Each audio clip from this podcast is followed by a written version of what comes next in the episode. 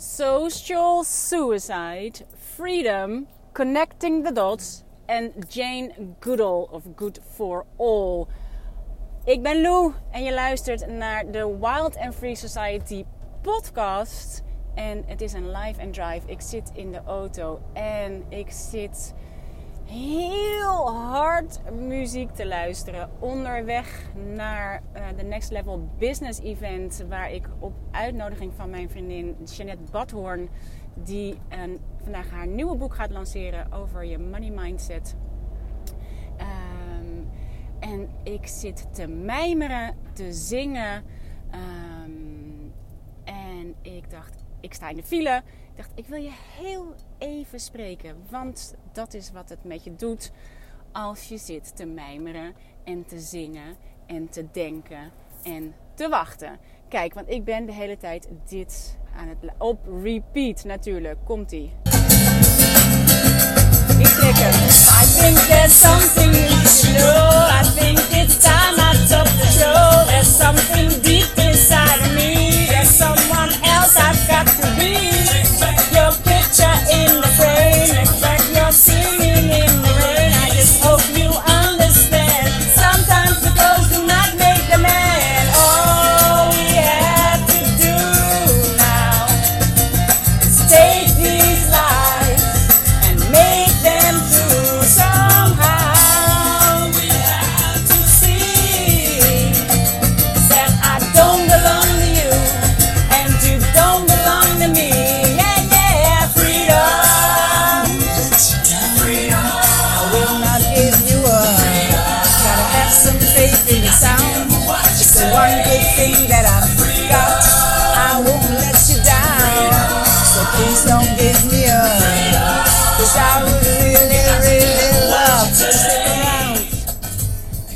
dat schrok je ervan.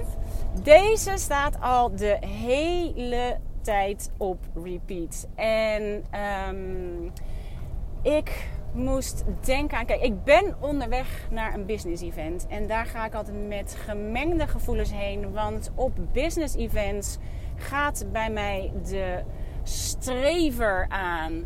En ik wil minder streven, meer leven. Ik heb deze week eindelijk voor het echi social suicide gepleegd. En de vrijheid, oh my goodness, ik kan je niet zeggen hoe zalig het is. En hoeveel ruimte er is ontstaan in mijn hoofd, in mijn hart, in mijn huis. Overal heeft het effect op. En um, ik wilde je graag eventjes... We hebben het vorige keer al heel even kort gehad over connecting the dots. En dat, is een, het, dat komt bij Steve Jobs vandaan. En hij vertelde daarover bij een, um, een graduation speech. En hij had het over connecting the dots. En dat je niet vooraf kunt zien uh, waar het heen gaat. Maar dat je wel als je achteraf terugkijkt kunt zien... Uh, wat het allemaal met elkaar te maken heeft. Ook al lijkt het ogenschijnlijk niet met elkaar te maken hebben. En hij heeft daarin een voorbeeld over dat hij, hij is een, een uh, drop-out. En hij uh, had nog wel, hij mocht nog wel op de campus blijven. En daar was een, als ik dit is weer zo'n kloplepel voor haar waarschijnlijk. Maar zo heb ik het onthouden. en hij zag een cursus calligrafie. En hij dacht, wat moet ik in hemelsnaam met een cursus calligrafie? Ik ben een computernerd. Maar het trok aan hem en hij dacht, oké, nou ja, ik heb nu toch niks te doen.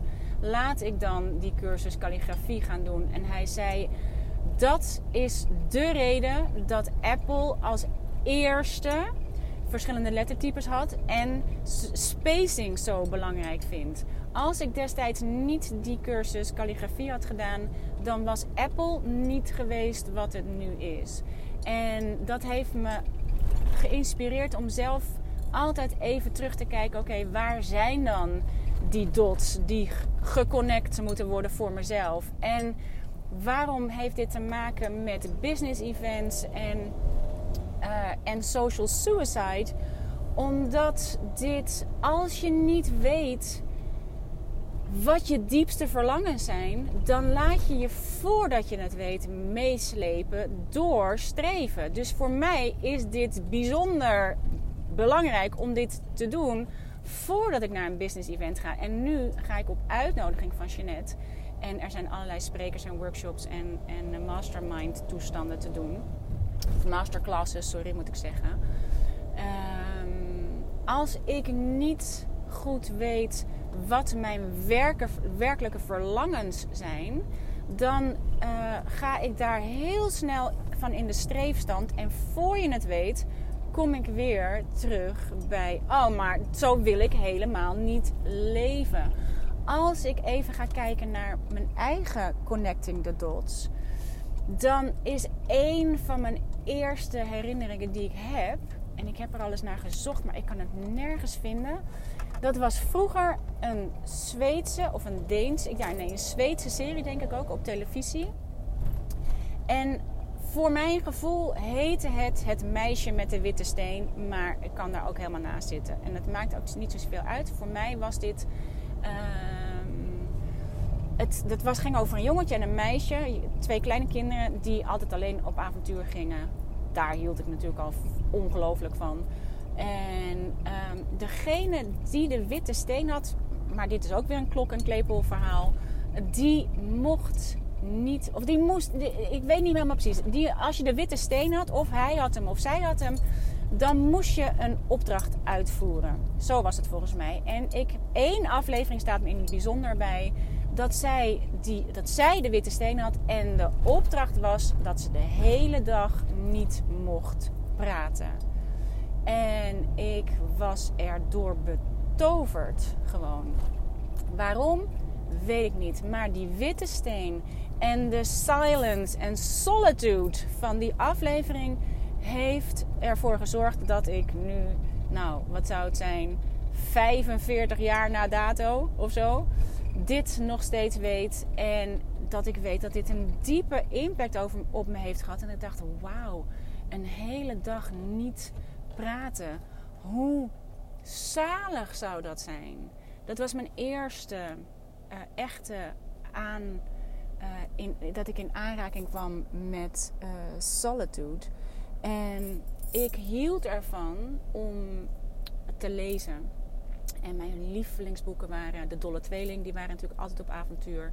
Maar ook de boeken die mijn moeder vroeger las, de boeken van Joop ter Heul, uh, Sissy van Marksveld, alle boeken van Sissy van Marksveld, Een Zomerzotheid. Wat mij ongelooflijk aansprak in Een Zomerzotheid was dat Pit de hoofdpersoon, samen met haar vriendin Dot, um, de twee coolste waren van de vijf meisjes. En die totaal niet gaven om status. En um, om geld. En om. Uh, ze kwamen uit de bourgeoisie en ze hadden het allemaal. Maar het was niet waar zij van aangingen. Dat sprak me aan. Dit is een dot, letterlijk een dot, dot van de zomerzotheid. Maar het is ook een dot die ik moet connecten. Want dat is wat ik zo cool vond aan hun. Dat ze dachten, het gaat daar niet om. Dat wist ik toen al. En uh, natuurlijk Pippi Langkous. Natuurlijk Punky Brewster op uh, tv. Keek ik in Amerika altijd. Um, Kees de Jonge, belangrijk boek voor mij. Toen ik 13 was, toen zat ik bij mijn vader. En ik verveelde met de pletter. Hij zei, joh, ga lekker lezen. Ik dacht, nou, je hebt hier niks te lezen. Hij zegt, lees dit. Kees de Jonge van Theo Thijssen. En uh, hij zegt, de eerste 13 bladzijden, als je het niks vindt, mag je het wegleggen. En uh, ik was naar 13 bladzijden hoekt. Kees de Jonge is een belangrijk boek gebleken in mijn... Uh, in, in alle dots die ik te connecten heb. Omdat dat het eerste boek was waarin ik een soort inzicht kreeg in het denken van iemand, in dit geval Kees. Uh, Zo'n jongen die al die gedachten heeft over hoe de buitenwereld naar hem kijkt, hoe hij gezien wordt, hoe hij hoopt dat hij gezien wordt, hoe hij door de, de straat van Amsterdam zwerft. Alleen al deze uh, zeg maar, karakters in boeken waren uh, vaak alleen, waren uh, zonder anderen, waren zelfstandig, waren anders. Connecting the Dots. Grease was een belangrijke film voor mij. Maar het gekke daarvan is, daar moest ik aan denken, is dat uh, Grease, voor degenen die die film ook kennen, gaat over Sandy. En uh, gespeeld door Olivia Newton-John. En zij is de hele film Grease. En zij is zo'n soort meisje die een soort plain Jane. En ze is verliefd op John Travolta, Danny in Grease. En um, zij, is, zij passen niet bij elkaar. Hij is een cool dude en zij is een, the girl next door. En ze durft niet zoveel. En aan het einde van de film maakt zij een transformatie door waarbij zij ineens een hele coole chick is. Maar de grap is dat ik dacht: wat doe jij nou? Je bent een stil meisje wat van lezen houdt en al die dingen doet. En dan ga je ineens zo'n. Uh, ben je dit wel? Ik weet dat ik dit, dit. Ik was 11 of 12 toen ik deze film uh, keek. Dus ik weet dat daar, terwijl zij natuurlijk veel cooler is en ik ongelooflijk hou van coole chicks, weet ik dat ik daar dacht: hmm, ik weet niet of je dit wel bent. Dus gaat over authenticiteit, over zijn wie je zelf bent. Of ga je concessies doen voor anderen zodat je in de groep past. Of dat je. Uh, het kan ook zijn dat je je stoerdere zelf eruit laat komen. Dat denk ik, als ik er nu naar kijk, denk ik dat dat meer zo is. Maar ik weet dat ik toen dacht: Nou, doe jij nou? Um, en ik zat altijd op mijn kamer, die ik natuurlijk uh, zelf had ingericht, zelf had behangen, allemaal spullen zelf geverfd. Uh, daar was ik helemaal in mijn element. Daar zat ik altijd in mijn dagboek te schrijven. Daar was ik plakboeken aan het maken van Grease. Uh, plakboeken aan het maken. Ik zat altijd songteksten die ik toen nog gewoon uit de hitkrant moest halen. Songtekst over te schrijven. Ik zat in mijn eentje bandjes op te nemen van muziek die ik cool vond. Dat zat ik in mijn eentje te doen. Stik gelukkig op mijn kamer en te plakken en te knippen en te schrijven. De voorlopers van mijn art journals, de voorlopers van mijn boeken, die was ik daar al aan het maken, aan het creëren. En in mijn, uh, ik las toen de club, uh, de voorloper van de Tina, de Tina Club.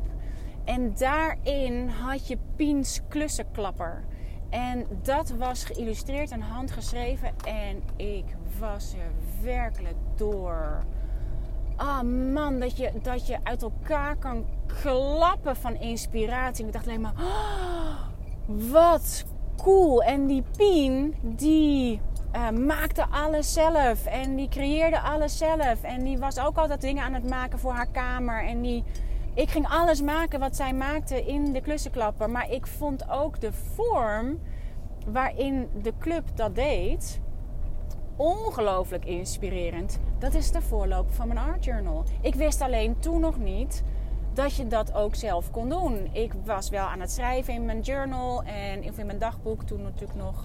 Uh, maar wauw, wat een inspiratie kreeg ik daarvan. Daardoor ging ik alles zelf maken. Creativiteit was werkelijk, vloog de ramen uit. En um, dit is voor mij een ongelooflijk big, big, big red dot. Uh, als het gaat om connecting the dots. En uh, daarna ging ik meer ging ik naar mijn punktijd en ging ik naar anarchie. Naar, uh, maar ik was wel een soort, zal maar zeggen, fashionable punker. Maar het heeft natuurlijk wel, ik had wel vrienden die, die punk waren, zaten in punkbands, hadden uh, dacht na over het kapitalisme, het communisme. Uh, en dat heeft me enorm gevormd ook. En ook in de zin van, ik bleef wel bij mezelf. Ik wilde niet blowen, dat deden zij allemaal, maar dat vond ik niks. Dus ik kon toch heel goed binnen zo'n groep met z'n allen uh, tegen de kernbom marcheren. En binnen die groep kon ik heel goed blijven bij wat ik vond. En wat ik wilde en waar ik niet in mee wilde gaan. En als ik daar achteraf naar terugkijk, denk ik: wauw, hoe cool. Daarin heb ik ook mijn moeder, die nam mij compleet zoals ik was. Je vond het mooi? Absoluut niet. Ehm, maar ja, zij zag mij. Dat heb ik meegenomen uiteindelijk in mijn opvoeding. Dat je je kinderen kunt zien voor wie zij zijn en wat zij letterlijk willen uitdragen.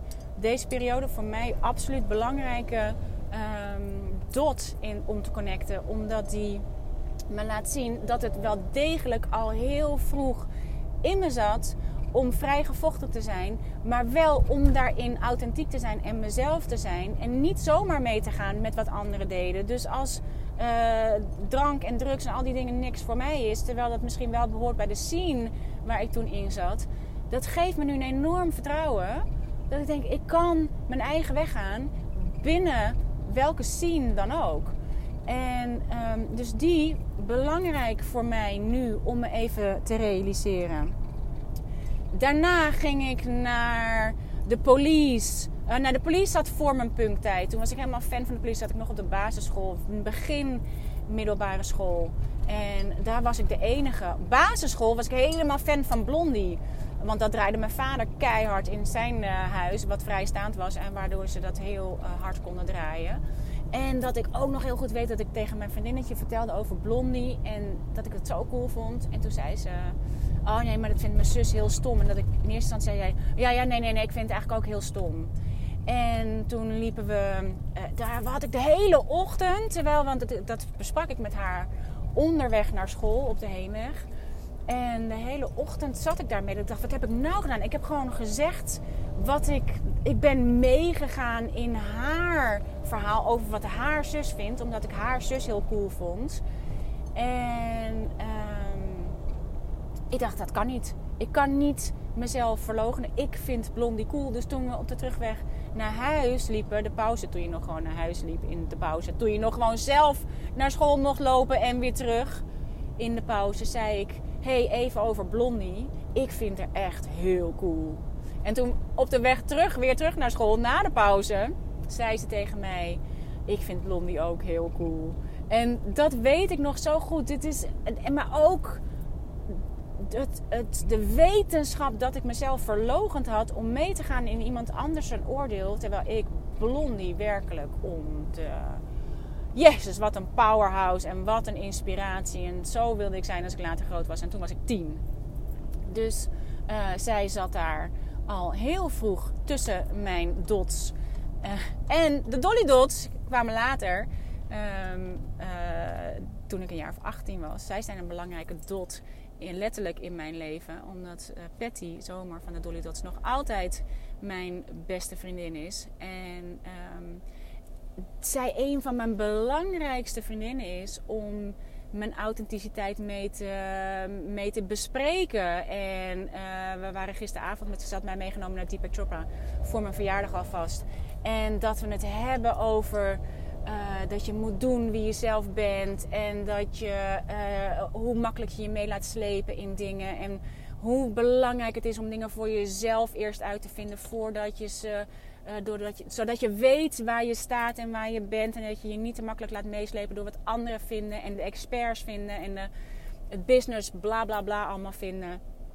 Dus zij ik komt uit mijn jeugd. Is nog steeds mijn allerbeste vriendin. En heeft, uh, we zijn elkaars blinde vlekken verwijderaar. En um, een belangrijk, zij is letterlijk een heel belangrijke dot van de Connecting the Dots. En, um, um, dus, maar daarvoor zat David Bowie. Daarvoor zat uh, dus de police. Man, de teksten, de eigenzinnigheid, de transformaties van David Bowie. De, het creatieve genie wat hij was. Man, ik was werkelijk begeisterd gewoon. Mijn eerste concert, nou ik denk dat ik, wat zou ik geweest zijn? 14, 15? Ik mocht gewoon naar Rotterdam naar een concert, weliswaar met een wat oudere vriendin. Maar dat kon allemaal prima. En dat je gewoon met z'n allen uh, in zo'n concert bent. Al die dingen, ik vind het zulke ongelooflijk fijne herinneringen. En ook, het verankert mijn eigen wetenschap en mijn eigen vertrouwen in mezelf. En dus dat is een heel belangrijke uh, dot om te connecten. Nou, vorige keer had ik het al eventjes over Simone van Walraven. Zij komt ook uit die periode. Eh, zo eh, rond mijn achttiende denk ik, dat zij uh, Veronica's Countdown presenteerde. En dat zij in een interview die ze hield met een, met een zanger van een band, en ik weet niet meer precies met wie zij ging. en daardoor zij waren verliefd geworden, een relatie begonnen. En ze zijn allebei uit hun carrière gestapt, omdat ze niet onder het, de spotlights een, een niet de hele tijd gezien wilden worden. Niet de hele tijd herkend wilde worden. Ik vond dat werkelijk zo'n verademing. Ik vond dat zo ongelooflijk uh, inspirerend. Dat je gewoon, terwijl iedereen was gek op Simone. Ik was gek op Simone. Dus iedereen vond dat ik op haar leek. Ze zeiden zelfs tegen mij, moet jij niet haar job overnemen? Ik vond haar werkelijk te inspirerend voor woorden. Maar het feit dat zij dus ook nog eens een keer stopte met zo'n beetje de coolste job on earth omdat ze daar omdat ze de privéleven belangrijker vond. Halleluja. Nog steeds een inspiratie. Connecting the dots. En uh, nou ja, ondertussen natuurlijk kinderen gekregen. Ik, daarna ben ik gaan modellen. Dan raak je het een beetje kwijt. Zit je ineens in een soort jetset bestaan. In een soort, um, uh, weet je, dat je je mee laat slepen door dat je met je kop uh, op grote esprit abri staat en je denkt dat je een, heel wat bent omdat iedereen tegen je zegt dat je fantastisch bent en dat je mooi bent en dat je zo knap bent en dat je zo dit bent en dat je zo dat bent, dat je je even helemaal mee laat slepen. Dan ben je dus uit, dan ben je dus even de weg kwijt, je eigen weg kwijt. Um, toen kreeg ik vervolgens letterlijk in mijn schoot geworpen mijn oudste dochter, die me totaal terugbracht uh, op Connecting the Dot. Want als één een dot is en ook een dotje is, is dat Keesje die mij um, onmiddellijk uit dat navelstaren heeft getrokken.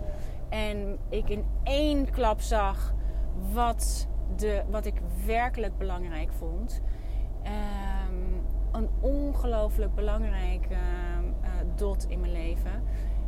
En daardoor heb ik al heel snel, want ik, ik, doordat zij geboren werd, had ik ineens het licht gezien, man. Ik vond het helemaal fantastisch. Dacht ik, oh wauw, nu weet ik waarom ik hier ben. En ik had mijn vrienden die tijd, waren allemaal voetballers en hun vrouwen waren mijn vriendinnen.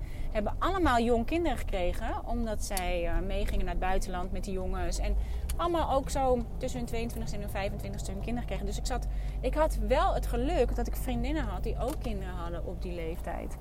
En, um, maar wij kenden elkaar natuurlijk allemaal van uitgaan en, uh, en al die, um, uh, zeg maar, toch relatief oppervlakkigheid.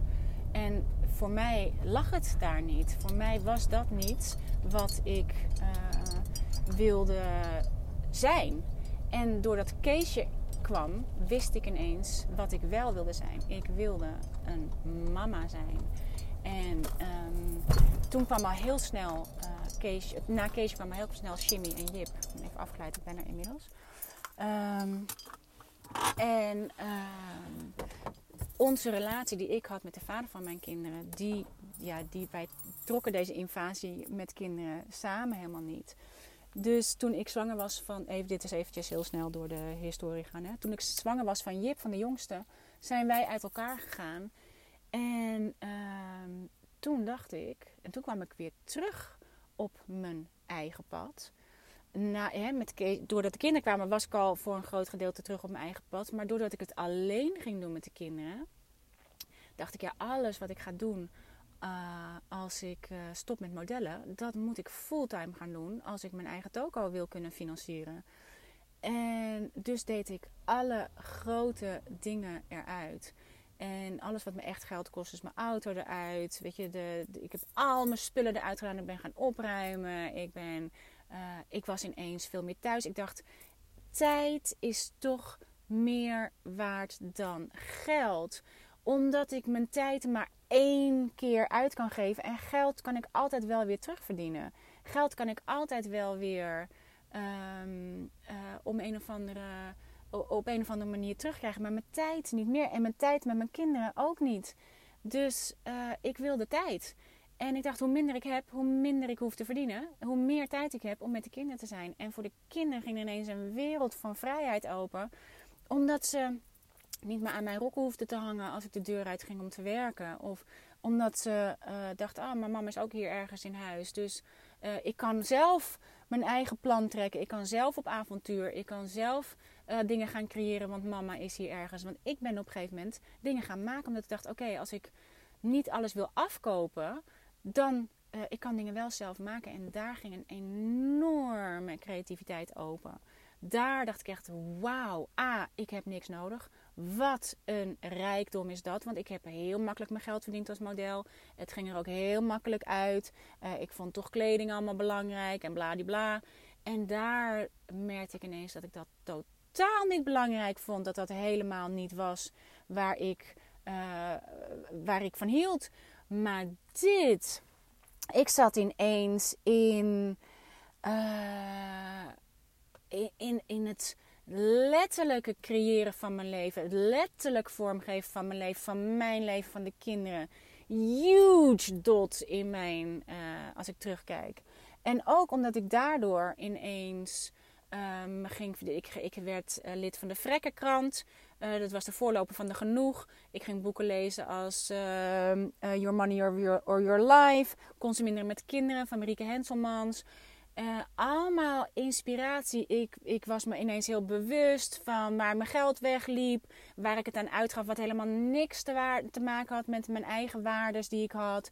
Die ik had voor mijn kinderen. En uh, ik was echt zo geïnspireerd daardoor. En niet zozeer, kijk, zo de vrekkenkrant. Het is allemaal niet uh, juicy. Het is allemaal niet... Het is echt, uh, het is ons. En voor mij is, gaat consumeren niet over zuinig. Het is niet het jezelf ontzeggen van de dingen die je wilt. Maar het jezelf ontdoen van de dingen die je niet wilt. En uh, voor mij zat er juist enorm veel juice en joy in het niet nodig hebben van al die dingen. Maar elke keer raak je weer weg. Dat weet ik. Dit is een, een enorme dot om te connecten voor mij en om in de gaten te houden. En nou, fast forward, twee jaar later, toen Jip 2 was, toen kwam Pascal in ons leven. En Pascal had een hele goede baan. En hij, ineens was er weer geld. En uh, voor je het weet, denk je weer: oh, bestel maar, doe maar, koop maar.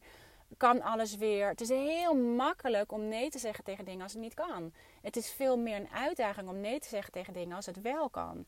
Dus doordat het ineens allemaal weer kon, door Pascal's enorme ruimhartigheid, door Pascal's een enorme liefde voor mij en voor de kinderen en uh, voor de ruimte die dat gaf, uh, kon ik andere dromen waarmaken. En, uh, maar ja, dan je, laat je je daar weer door meeslepen. Dus dan is er ineens weer geen tijd, is er meer minder tijd voor dingen. Bestel maar, koop maar, koop maar af, doe maar pizza bestellen, want ik heb geen tijd om te koken. Laten wij het eten gaan, ik heb geen tijd om te koken. weet je, al die dingen die echt je leven um, uh, fijn maken waar je dan ineens geen tijd meer voor hebt. Dus toen ben ik weer begonnen met een soort van spirituele zoektocht naar: oké, hoe kan ik, ondanks dat ik alles heb, wel leven hoe ik wil leven? Want dat is natuurlijk de grap. Ik, mijn uitdaging, mijn grootste uitdaging, is om het wel te hebben, maar het niet nodig te hebben. Dus het ook niet te hoeven. En wat ik voor mezelf steeds heb gecreëerd, is, en, daar, wil ik, daar wil ik nu wel echt korte metten mee maken, is dat ik er gewoon steeds voor zorgde dat als er geld was, dat het ook weer op was. Want dan kon ik weer tenminste terug naar het niet nodig hebben. Omdat het niet kon, dan had ik van buitenaf een afkadering. Het kon gewoon niet. Want ik vond het veel moeilijker op het moment dat het wel kan en je dus jezelf moet sturen. Dus dit is er eentje om, om te connecten. Dus ik ging toen Um, zelf in het onderwijs, weet je, ik ben uh, om gaan scholen tot leerkracht. Dat daar zijn enorm veel dingen uitge. Daar is mijn liefde voor onderwijs echt ontstaan. Dikke, dikke, dikke dot om te connecten. Um, toen ben ik mijn eigen boeken gaan schrijven. Die heb ik zelf serieus nodig om eerst groot in mijn leven en Oda in dagelijkse sleur omdat ik daar zelf het allermeest van geniet. Gewoon het zijn met wat je al hebt. Met die kinderen. Midden in de mes. Dus niet wachten totdat je kinderen uit huis zijn. Niet wachten tot als dan. Weet je, dat hele als dan denken uh, eruit.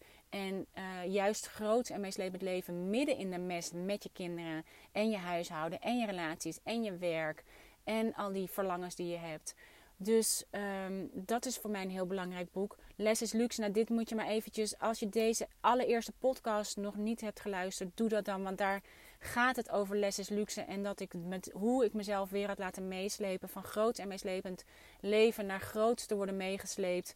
En ehm, terug naar les is luxe. Dus dat ga ik niet hier nog een keer uit de doeken doen. Daar moet je even voor naar, naar de eerste podcast. Maar is een huge dot voor mij om in de gaten te houden. En uh, nog uh, boeken die mij steeds opnieuw inspireren is God on a Harley. Van uh, John Brady heet zij volgens mij. Het is eigenlijk een heel suf boekje. Maar hoe vaak ik dat verhaal niet opnieuw gelezen heb waarin zij teruggaat naar een simpel leven, naar al die dingen die ze niet nodig heeft. Ik ga er elke keer opnieuw van aan. Maar ook de boeken uh, van Elaine St. James las ik toen ik uh, alleen verder ging met de kinderen over Simplify Your Life, um, Simple Living with Children. Uh, al die boeken over een simpeler leven, eenvoudig leven. En eenvoud vind ik schaars, klinkt schaars, maar simpel, zalig simpel simplicity voor mij is freedom. Maar ook de boeken Simple Abundance. Al die, al die eh, dat heet bij ons geloof ik uh, eenvoud in overvloed of zo. Uh, elke keer kwam ik terug bij die boeken. De zeven spirituele wetten van Deepak Chopra voor kinderen, voor ouders dan. Dus met, om met kinderen te doen. Al die uh, boeken, daarvan weet ik dat het kleine dots zijn in mijn leven. Dat ik denk, oh ja, zo wil ik leven. Oh ja, zo wil ik leven. Oh ja, zo wil ik leven. En um, voor mij zijn het belangrijke boeken om er af en toe even bij te pakken. Dat ik denk, oh ja, niet vergeten. Zo wil ik leven. Zo is er ook een boekje voor een echt succesvol leven van um, Bas Haring. Hij is filosoof, superleuke jonge gast. En door hem snap ik eigenlijk de, eindelijk de evolutietheorie. Uit Kaas en de evolutietheorie. Superleuk boek. Maar hij is filosoof en hij heeft ook een boekje geschreven voor een echt succesvol leven. En ik weet niet helemaal of ik het juist heb geïnterpreteerd, want ik heb het later nog een keer gelezen en toen haalde ik dat er toch niet helemaal uit. Maar de eerste keer dat ik het las, heb ik het als volgt geïnterpreteerd. Als je ergens echt heel succesvol in bent, dan moet je je mond erover houden. Want wat gebeurt er op het moment dat je zelf ergens succesvol in bent? Dan, uh, en je gaat daarover vertellen, of over schrijven, of over delen. Dan zegt de ander, oh heel cool joh, hoe doe je dat? En nou, dan ga je erover vertellen. En voor je het weet uh, gaat een ander denken, oh ja, heel cool, moet je even in deze, dit programma komen vertellen, in dat programma komen vertellen. En je wordt hier gevraagd en daar gevraagd. En wil je een lezing komen geven, wil je nog een boek schrijven, wil je nog dit, wil je dat. En wat gebeurt er? Je inspireert heel veel andere mensen. En ondertussen heb je zelf geen tijd meer om te leven. En dit is hoe ik me voelde na Groot en Meeslepend Leven. Weet je, dat iedereen met mijn boek Groot en Meeslepend ging leven. En ik groot werd meegesleept. Hij zei, voor een echt succesvol leven kan je veel beter je mond houden. Met gewoon zelf lekker leven. En dat heeft me ook zo geïnspireerd. Dat ik dacht, ja, ja, dat. Gewoon, je wil het wel blijven leven. De uitdaging voor mij is dus... Mijn eerste uitdaging is wel geld kunnen creëren met wat ik creëer. Zodat ik uh, dat het er wel is en dat ik daar andere goede dingen mee kan doen. Of mijn toekomst, mijn roaring 90s uh, mee veilig kan stellen. Zonder dat ik het nodig heb om het elke keer ook meteen weer kwijt te raken. Omdat ik dan in ieder geval simpel kan blijven leven. Dus dat is een uitdaging. En een echt succesvol leven voor mij, de uitdaging zit in het zelf blijven leven. Me niet mee laten slepen in succes. Me niet mee laten slepen in alle mogelijkheden die er zijn maar het blijven leven. Dus elke keer opnieuw, dat is waarom ik voor mezelf keihard deze muziek raak voordat ik naar het spand ga. Omdat ik denk, ik, mijn, hoogste, mijn hoogste waarde is vrijheid. Hoeveel is mijn vrijheid waard? Als ik dat niet helder heb, dan kan ik me zo laten meeslepen door allerlei businessstrategieën, door allerlei dingen die je zou kunnen doen. En ik moet natuurlijk wel in de gaten houden dat ik, dat ik geen. Ehm, limiting beliefs erop heb zitten. Want die heb je natuurlijk allemaal. We hebben allemaal uh, de beperkte overtuigingen uh, die ons kleiner houden. Maar dat zorgt er ook voor dat ik langer blijf hangen in dingen. Omdat ik denk dat het een beperkte overtuiging is. Terwijl ik denk, nee, het is niet een beperkte overtuiging. En het is een heel belangrijke dot in, om te connecten voor mij hoeveel is mijn vrijheid waard? Dus ik wil dit voor mezelf weten voordat ik ergens heen ben. Daarom is het voor mij zo zalig die social suicide. Dat ik niet de hele tijd meer geprikkeld word over wat ook kan en wat ook kan. Wat, waar die is en waar die is en waar die is en waar die is. Dat je jezelf beschermt tegen al die prikkels van buitenaf. Zodat je veel makkelijker kunt blijven bij hoe je wilt leven. En over de Roaring 90s gesproken. Ik was woensdagavond met Pascal en zijn zussen, Chantal en Bianca, naar Jane Goodall, of Jane Good for All noem ik haar nu, in uh, Carré. En zij is degene die uh, allerlei onderzoek heeft gedaan naar uh, chimpansees. Ze is 85, onderweg naar haar Roaring 90s. En zij werkt 300 dagen per jaar. Geeft zij lezingen all over the place. Ze was nu drie dagen in Amsterdam. Gaf 14 lezingen. Ze zegt ja, I'm running out of time. We zijn uh, bijna op het punt van no return. En ik heb geen tijd meer. Ik moet mensen aansporen om beter voor onze planeet te zorgen. Zij was de millimeter movement in actie. Ik zat alleen maar ja, ja, ja. En ik zag Remco van Broekhoven, waar ik het in mijn vorige podcast ook over had, die mij heeft geïnspireerd met zijn changemakers op de School of Life om een millimeter movement te beginnen. Hij staat achter mij toevallig. Dus wij zaten al elke keer met duim omhoog van... oh ja, dit gaat daarover en dit gaat daarover. Maar, en waar zij mij in, mee inspireerde met haar uh, verhaal, waar ze mee begon... was, waar wij het vorige keer over hadden... het belang van uh, de mama. Zij zei, zij heeft een heel ondernemende geest. Zij is een natuurkind. Zo is ze geboren. Ze maar mijn moeder had dat heel makkelijk uh, kunnen dempen. Maar ze zegt, als ik dan met wormen uh, in mijn bed mee had genomen in mijn bed, zei mijn moeder niet van Jezus, get me ga weg met die beesten. Maar zij uh, zei, uh, ja mijn schat, als je die in je bed houdt, dan gaan ze dood. Laten we ze weer buiten in de aarde, naar de aarde brengen. Dus in plaats van te denken, eeuw, zei ze, kom, dat kunnen we beter zo doen. Maar zo was ze ook gefascineerd geraakt toen ze vier was door hoe leggen kippen een ei. En is ze uren in een kippenren gaan zitten om te kijken. Uh, eerst was ze achter een kip aangegaan, maar die vluchtte gelijk. Dus zei ze dan, toen leerde ik al, trial and error, dat je als je onders, iets wil gaan onderzoeken. Want zij wilde onderzoeken op vierjarige leeftijd hoe een kip een ei legt. Maar die kipschok van haar die was weg. Dus ze dacht, oké, dit werkt niet. Ik moet het anders aanpakken. En dan ben je vier. Hè? Toen dacht ze, ik ga gewoon wachten in een kippenhok. En dan ga ik wachten tot een kip binnenkomt. Ik blijf daar heel stil zitten en dan ga ik kijken. En vier uur heeft ze daar gezeten op vierjarige leeftijd. Niemand wist waar ze was. Maar ze kwam er totaal excited uit, want ze had een kip en ijs zien leggen. En zij rende terug naar de moeder, waar inmiddels allemaal al zoekacties gaande waren voor haar. En zij, uh, in plaats van dat mijn moeder, zei ze, mij gelijk uh, uh, begon uit te schelden waar ik in godsnaam geweest was, zag ze mijn excitement en was ze uh, helemaal, wilde ze mijn verhaal horen over mijn experiment en over mijn ondervindingen met de, met de kip.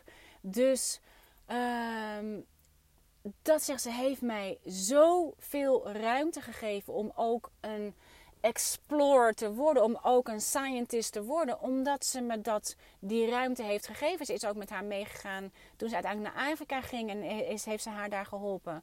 Het belang van de moeder, waar wij het vorige keer over hadden, daar vertelde zij over. Weet je, vorige keer had ik het over dat ik het allermeest inspirerend vind als grote geesten in geïnterviewd worden en zij zeggen wie hun grootste inspirator was, hun moeder of hun oma. Nou, check.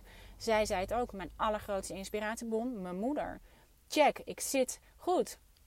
En toen vroeg iemand op het einde aan haar: uh, Wat heb je het meest geleerd van chimpansees? En ik geloof dat deze vraag werd gesteld door een heel jong meisje.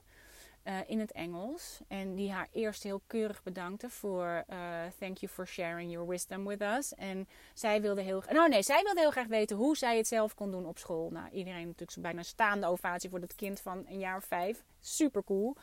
En, uh, maar iemand anders die vroeg wat ze het meest had geleerd van de chimpansees. Toen zei ze how to be a good mother. Halleluja. Zij heeft van de chimpansees geleerd hoe ze zelf een goede moeder kon zijn. Zij heeft daar in de wildernis een eigen zoon gekregen. En ze zegt, ik heb mijn opvoedtechnieken uh, afgekeken van de chimpansees. Dus, full circle. En de allerlaatste vraag was um, hoe wij het dan in uh, actie kunnen doen. Als we nu met z'n allen de eh, de aarde naar de kloten helpen, de aardkloten naar de kloten helpen. Uh, toen zei ze ehm, heel klein, millimeter movement in actie. Ze zei: als iedereen alleen maar zijn lichten uit zou doen, zou dat zo'n verschil maken.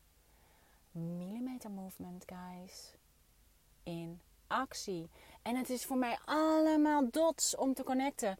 En het mooie is dat nu ik eindelijk mijn social suicide gepleegd heb, gaat het bij mij enorm stromen. Bij mij komen de, de aanvragen voor interviews ineens binnen. En uh, ik was gisteren bij mijn nieuwe uitgever en daar ga ik een boek maken. Zij willen dat ik het allerliefst eerst een boek ga maken over het ouderschap. En ik had natuurlijk mijn millimeter movement uh, uh, behoefte om de 5 mm movement boeken te maken. Gewoon een serie boeken op verschillende, op verschillende terreinen. En we kunnen natuurlijk prima beginnen met, met het moederschap. Um, weet je, dat ineens alles een soort van full circle komt. En ik heb nu als werktitel de Millimeter Movement Mama. Start je eigen opvoedrevolutie. En dan de R tussen haakjes. En, want het is je eigen evolutie. Maar het is wel degelijk revolutie. Ook al begin je heel klein. Want je hoeft maar vaak een, een, een kwartslag te draaien. Je hoeft niet het roer om. Het hoeft niet totaal anders. Het is zoveel dichterbij dan je denkt. En um, dus alles komt een soort van samen. En doordat ik niet meer uh, na hoef te denken over wat ga ik in, in uh, social media posts schrijven. Wat ga ik uh, hier doen? Ontstaat er in zoveel. Die boekenman, ze dienen zich. Ik kan het niet bijhouden, zo hard zit ik te schrijven om alle informatie te downloaden. Ik heb zo'n ongelofelijke zin om gewoon weer old school te schrijven. En um, ik ga samen met Patty, en het is weer heel anders, maar daar zaten we gisteren over te filosoferen. Ik ben natuurlijk inmiddels van social media af. En zij had een filmpje gedeeld. Wij gaan samen in, uh, op 16 juni gaan wij een, uh, een live event organiseren. Ik ga aankomende maand met de Wilder Society gaan we groot en meeslepend leven met onze look en feel. En Patty heeft al twee keer een bonusles gemaakt voor mij in de Wilder Society over Patty Zomer. Zij is nu, ze was vroeger dus een Dolly Dots, is nu al jaren uh, stylist van Toet, bekend Nederland. En, maar zij doet ook voor Dress for Success. Ze doet super coole dingen. En het allermeest houdt zij, waar houdt zij het allermeest van? Om degene die uh, juist minder hebben te helpen met er fantastisch uitzien. Zij, alle bekende Nederlanders allemaal prima om te doen, maar daar ligt haar hart. Millimeter movement in actie, maar dan in kleding. En, uh, en ook kijken naar je door middel van archetypes. Wat ben je voor type? Klopt jouw binnenkant wel met je buitenkant? Het is zo'n mooie ingang. Zij heeft mij zoveel over mijn schaarste denken laten zien over geld. Terwijl ik dacht dat het over kleding ging. Super interessant. Um, wij gaan samen een eventje doen. Uh, omdat we nu in de Wild Society uh, groot en meeslepend gaan leven met onze look en feel. Niet onbelangrijk. We denken heel vaak, uh, gaat maar over kleertjes of lekker belangrijk je uiterlijk. Maar denken dat alleen de binnenkant belangrijk is, is net zo oppervlakkig als denken dat alleen de buitenkant belangrijk is. Dus het gaat om je look en je feel. Wij gaan daar aankomende maand in de Wild Society met mijn bondgenoten mee aan de slag. Maar ik ga met Patty een event organiseren. Uh, op 16 juni, ergens onder de rook van Amsterdam. We hebben niet heel veel plek. Maar daarin gaan we dus kijken naar welke archetypes ben je. Klopt je binnenkant met je buitenkant? We gaan creatief aan de slag om het letterlijk vorm te geven. Want op het moment dat je het letterlijk gaat vormgeven, ben je ook. Uh, dan gaan die magische mechanismen in werking.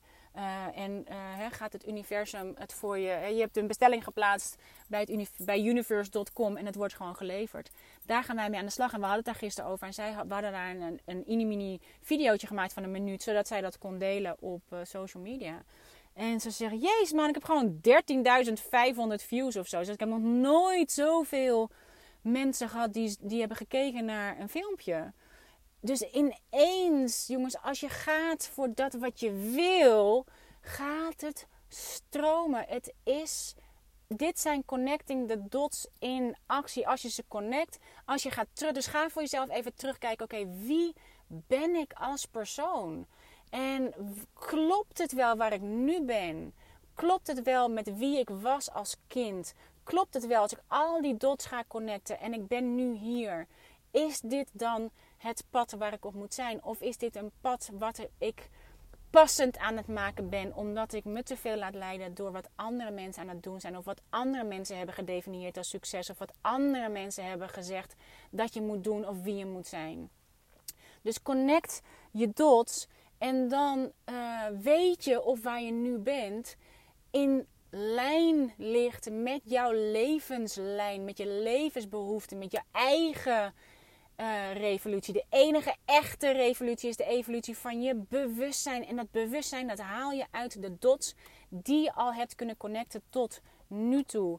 Nou jongens, dat dus ongeveer. En um, ik ben inmiddels al lang bij het spand. Ik moet er geloof ik over vier minuten binnen zijn. Dus ik ga nu uh, een einde maken aan deze podcast. Uh, super fijn. Jongens, dank je wel voor het luisteren. Want ik ben elke keer helemaal uh, verbaasd over dat het in de top 10... Nu staat het dan in de top 10 van de categorie waar ik onder val. Alle drie mijn podcast. Hoe cool is dat?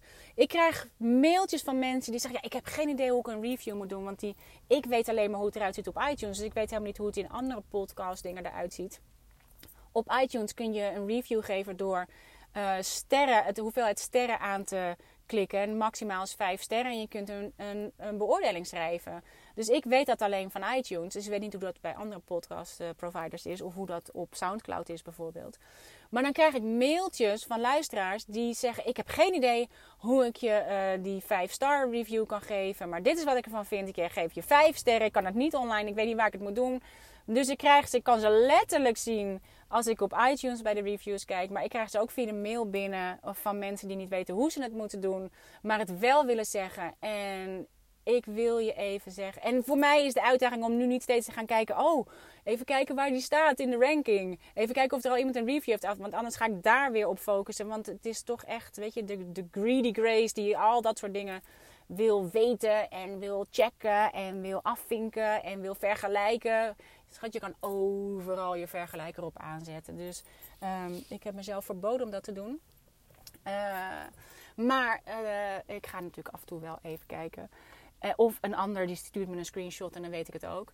Maar dus als je zou willen doen, want dit, daardoor is het dus ook beter vindbaar voor anderen. En omdat ik nu alleen maar hoorbaar ben en niet meer zichtbaar vanwege mijn social suicide, zou je me een ongelooflijk plezier doen om inderdaad die sterren aan te vinken, aan te klikken en een, een review achter te laten. Want ik vind het zo fijn om te zien wat jij eraan hebt. Dan kan ik ook mijn inhoud van de podcast beter aanpassen aan waar jij behoefte aan hebt. Dus um, start je eigen revolutie. En ik ga eens even kijken wat ze hier in het spand allemaal voor coole dingen te doen hebben. Ik ga het nieuwe boek van uh, Jeanette Badhoorn vieren. Het zijn expert tips over je money belief, je money mindset geloof ik. Dus, uh, en ze heeft een aantal tips en dingen gebruikt uit mijn Money Meaning and Miracles Crash Course. Die een bonus is voor mijn backstagers. Dus ik ben heel benieuwd. Ik heb er zin in. Ik ben in ieder geval, ik weet in ieder geval waar ik vandaan kom. Ik weet in ieder geval waar ik naartoe wil. Dus dat geeft mij de ruimte om nu keuzes te kunnen maken. Want ik weet waar ik niet heen wil. Dus ook al weet je nog niet waar je wel heen wilt, als je weet waar je niet heen wilt en waar je niet hoort en wat niet bij je dots hoort, dan uh, hoef je daar dus niet heen. Dankjewel voor het luisteren en tot de volgende Wild and Free Society podcast. En zonder uh, tunes dus. Ik moet ook steeds denken aan, uh, nu had ik natuurlijk Freedom toen ik begon, maar ik denk ook de hele tijd in plaats van video killed the radio star ook zo'n nummer uit toen. Dat ik de hele tijd in mijn hoofd hoor. Radio killed the video star. Dus, jongens, radio killed the video star. En um, dikke, dikke kus voor jullie allemaal. En dankjewel voor het luisteren. Dag.